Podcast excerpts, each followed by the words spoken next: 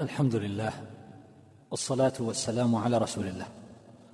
أما بعد ففي الليلة الماضية تحدثت عن المعنى العام للمثل الأول في كتاب الله تبارك وتعالى وهو قوله مثلهم كمثل الذي استوقد نارا. الآية. وذكرت أن الحديث سيكون منقسما إلى ثلاثة أقسام. الأول وقد مضى وهو في إيضاح المعنى العام للمثل. وهذا مما يقربه للأذهان.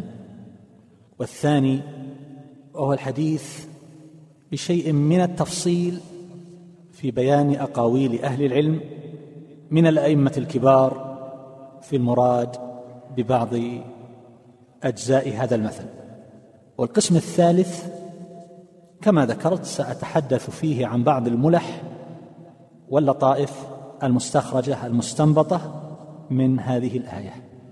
ومن لم يحضر معنا بالأمس لا بأس أن أذكر كلاما وجدته للشيخ عبد الرحمن بن سعدي رحمه الله يوافق ما ذكرت في بيان المعنى العام للمثل وعبارته من أوضح ما رأيته من كلام المفسرين في ذلك.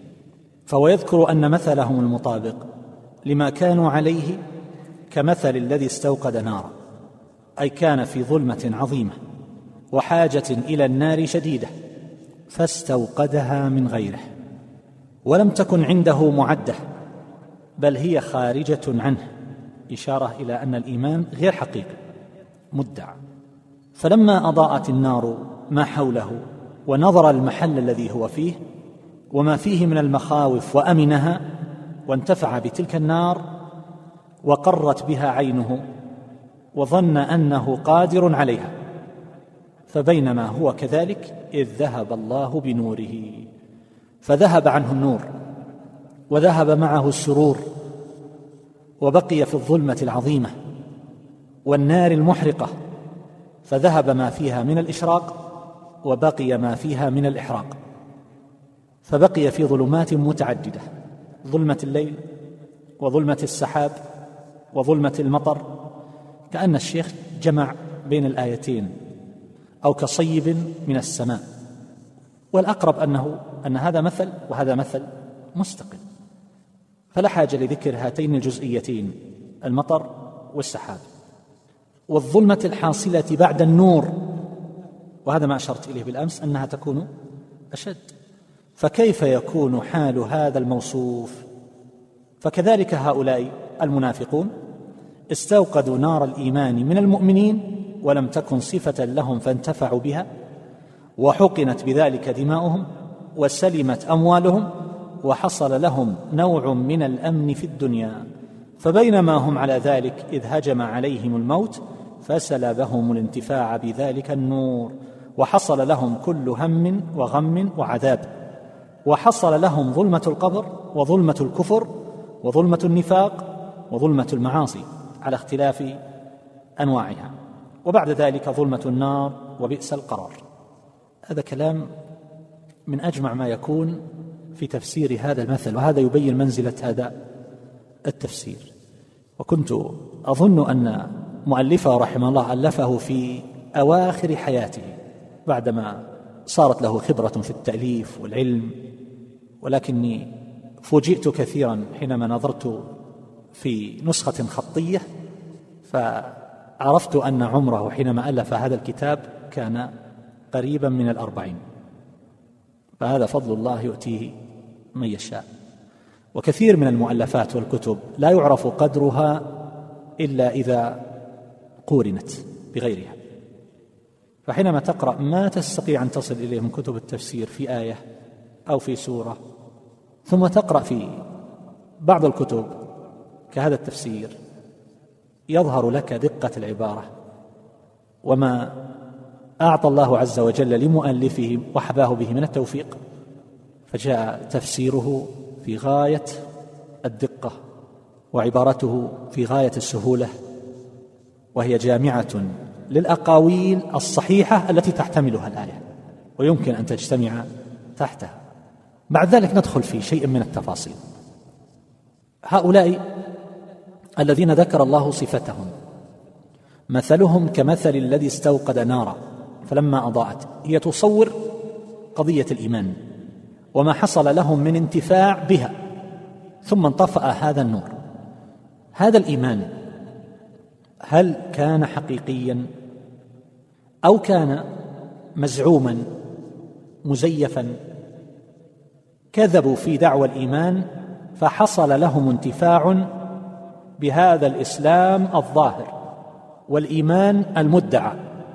فناكحوا المسلمين وحصل لهم من مال الفيء والغنيمة وامنوا على أنفسهم حقنوا دماءهم وأحرزوا أموالهم إلى غير ذلك من المنافع التي حققوها. هل كان الإيمان حقيقي أو لا؟ مثلهم كمثل الذي استوقد نارا. ما المراد؟ من أهل العلم من يقول إنهم كانوا يعتزون بالإسلام فتحصل لهم هذه المنافع ثم ماتوا وسلبوا ذلك جميعا كما سلب صاحب النار الذي ذكر الله صفته استوقد نارا فلما أضاءت ما حوله سلب ذلك الضياء والنور وتركهم الله عز وجل في ظلمات يعني في عذاب.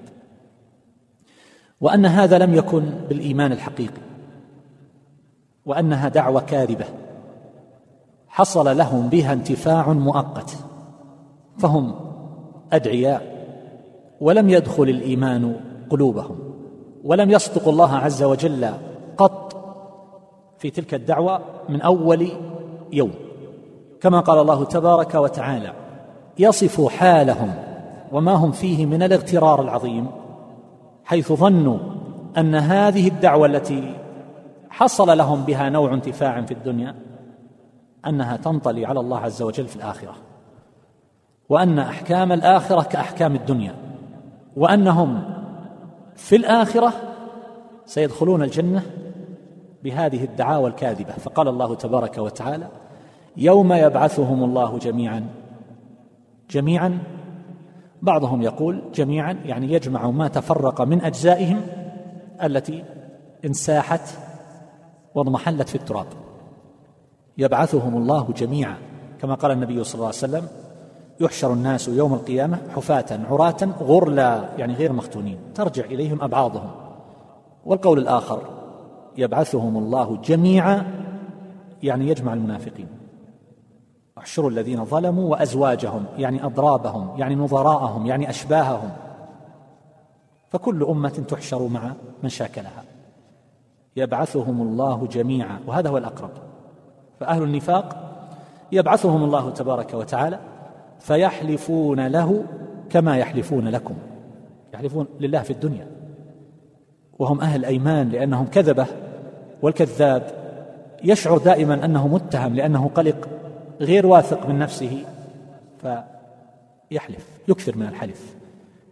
إذا جاءك المنافقون قالوا نشهد إنك لرسول الله والله يعلم إنك لرسوله والله يشهد إن المنافقين لكذب اتخذوا أيمانهم جنة ترس. إذا وجهوا بتهمة مباشرة حلف أنه ما قال ولا فعل فصدوا عن سبيل الله. فحملهم هذا على الصد والاستمراء في الباطل صد الناس والصد في أنفسهم. فيحلفون له كما يحلفون لكم ويحسبون أنهم على شيء يعني أن هذه الأيمان تنفعهم كما نفعت في الدنيا. ألا إنهم هم الكاذبون. يوم يقول المنافقون والمنافقات هذا في الآخرة للذين آمنوا انظرونا نقتبس من نوركم. إذا انطلقوا إلى الصراط. قيل ارجعوا وراءكم فالتمسوا نورا. فضرب بينهم بسور له باب. باطنه فيه الرحمة وظاهره من قبله العذاب. ينادونهم ألم نكن معكم؟ يعني في الدنيا نصلي معكم و قالوا بلى ولكنكم فتنتم أنفسكم وتربصتم يعني بأهل الإيمان. تربصتم وارتبتم وغرتكم الحياة الدنيا وغرتكم الأماني حتى جاء أمر الله وغركم بالله الغرور يعني الشيطان. فهذا كله في الآخرة. فهم يظنون أنهم في الآخرة ينتفعون بهذا الإيمان المدعى كما انتفعوا في الحياة الدنيا. فهذه الآيات يحتج بها أصحاب هذا القول على أن هذا القول الذي قاله المنافقون كان مخادعة وأن الله بين هذا في هذه الآيات وأن هذا هو حقيقة النفاق أصلا. إظهار الإيمان وإبطان الكفر. وهذا اختيار كبير المفسرين ابن جرير الطبري رحمه الله واختاره أيضا القرطبي ومن المعاصرين الشيخ عبد الرحمن بن سعدي كما سمعتم وسبقهم إلى ذلك ابن عباس رضي الله عنه في